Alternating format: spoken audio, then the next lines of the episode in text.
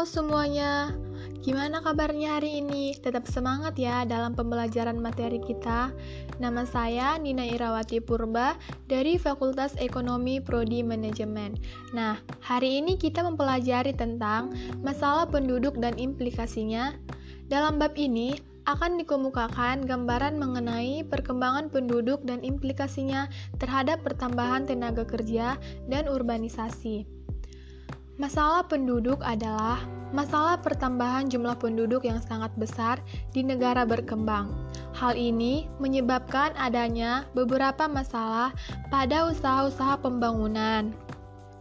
Karena pertambahan penduduk yang sangat tinggi akan menimbulkan perkembangan jumlah tenaga kerja hampir sama cepatnya.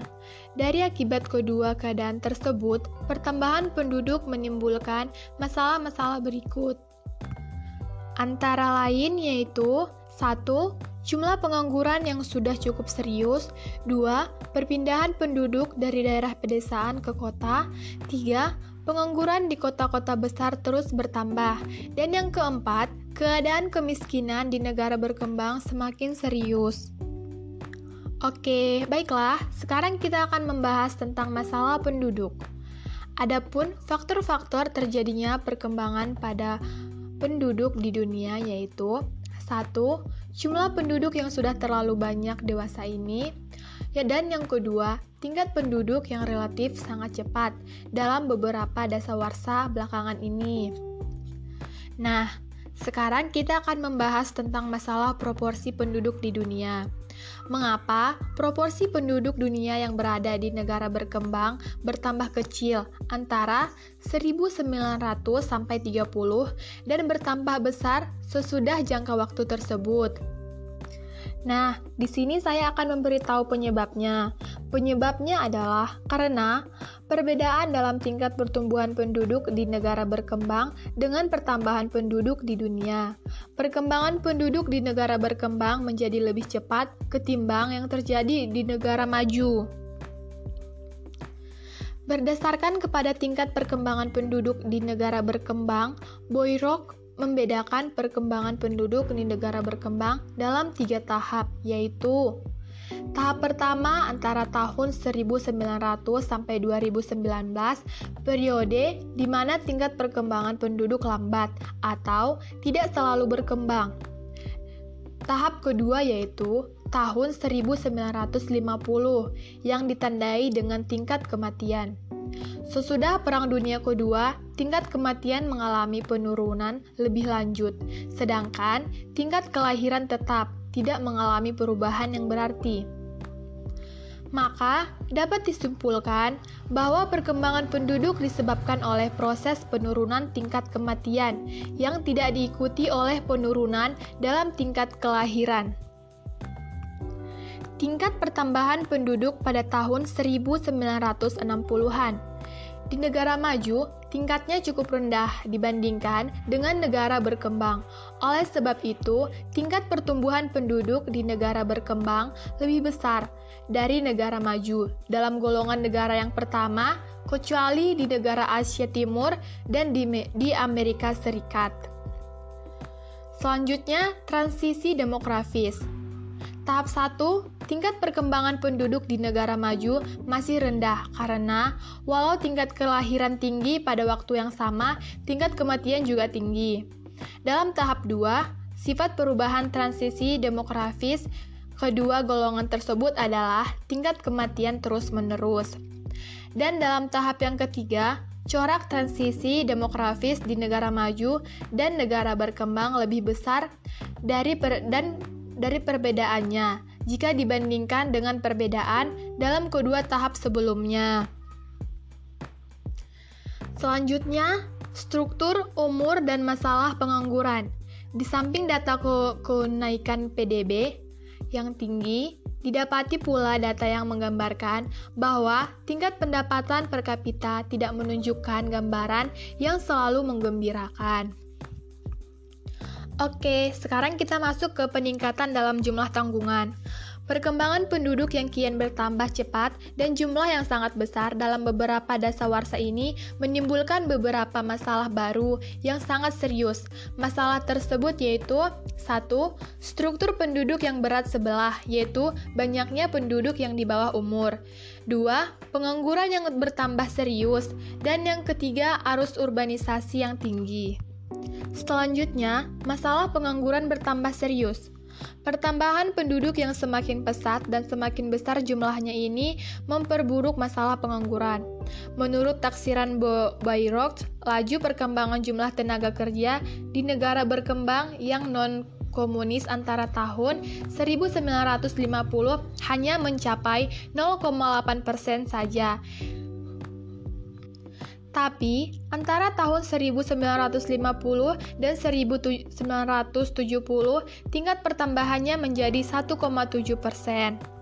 Di Eropa, pada bagian kedua abad tersebut, tingkat perkembangannya menjadi lebih rendah la lagi. Selain dari tingkat perkembangan tenaga kerja yang bertambah tinggi tersebut, harus pula diingat bahwa dalam abad ke-20 yang lalu, jumlah penduduk negara berkembang jauh lebih besar dari jumlah penduduk negara maju dalam abad ke-19. Kesempatan tenaga kerja tidak dapat diimbangi oleh pertambahan kesempatan kerja yang diciptakan oleh kegiatan-kegiatan ekonomi yang baru, terutama oleh pertambahan kegiatan di sektor industri. Pengangguran terbuka yaitu tenaga kerja yang menganggur penuh. Negara berkembang menghadapi masalah pengangguran tersembunyi atau terselubung dan underemployment atau masalah tenaga kerja yang lebih rendah dari jam kerjanya yang normal. Dalam analisis tersebut akan ditunjukkan bahwa sejumlah ahli ekonomi tidak setuju dengan pendapat tentang adanya pengangguran terselubung. Titik pada masa ini Pandangan tersebut tidak memperoleh dukungan lagi di kalangan ahli-ahli ekonomi. Bahkan sebaliknya, sekarang mereka berpendapat bahwa pengangguran terselubung di daerah-daerah pertanian telah menjadi sangat memburuk sebagai akibat dari perkembangan penduduk yang sangat pesat. Di negara berkembang seperti seperti sudah dimaklumi sebagai sebagian besar penduduk berada di sektor pertanian, maka sebagian besar pertambahan penduduk terjadi di sektor tersebut kemudian pindah ke kota-kota. Maka tingkat pertambahan penduduk di se sektor pertanian tidaklah selalu seperti tingkat pertambahan penduduk.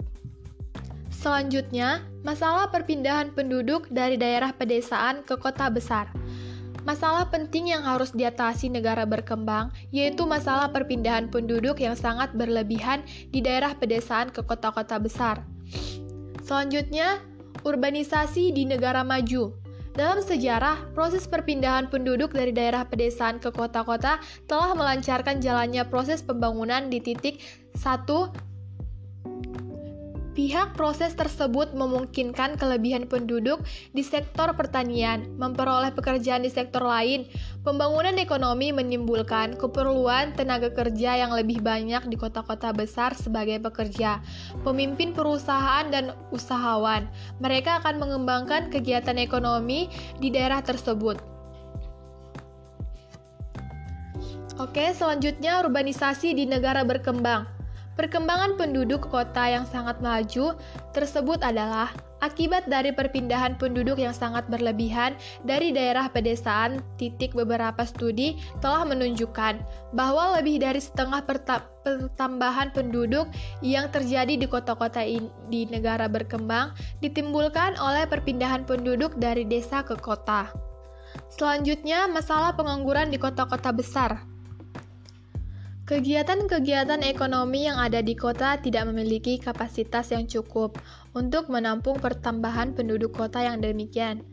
Titik karenanya di samping pengangguran yang kian memburuk di desa-desa, banyak di antara negara berkembang menghadapi pula masalah pengangguran di kota yang sangat serius.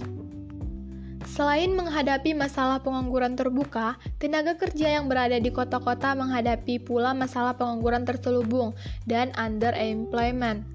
kalau kedua jenis pengangguran ini turut pula dipertimbangkan dalam melihat sejauh mana buruknya masalah pengangguran kota di negara berkembang, maka tidak dapat disangkal lagi bahwa masalah pengangguran di kota-kota merupakan salah satu masalah serius yang dihadapi negara berkembang. Baiklah, sampai di sini dulu hasil ringkasan dari saya. Kurang lebihnya saya mohon maaf. Terima kasih.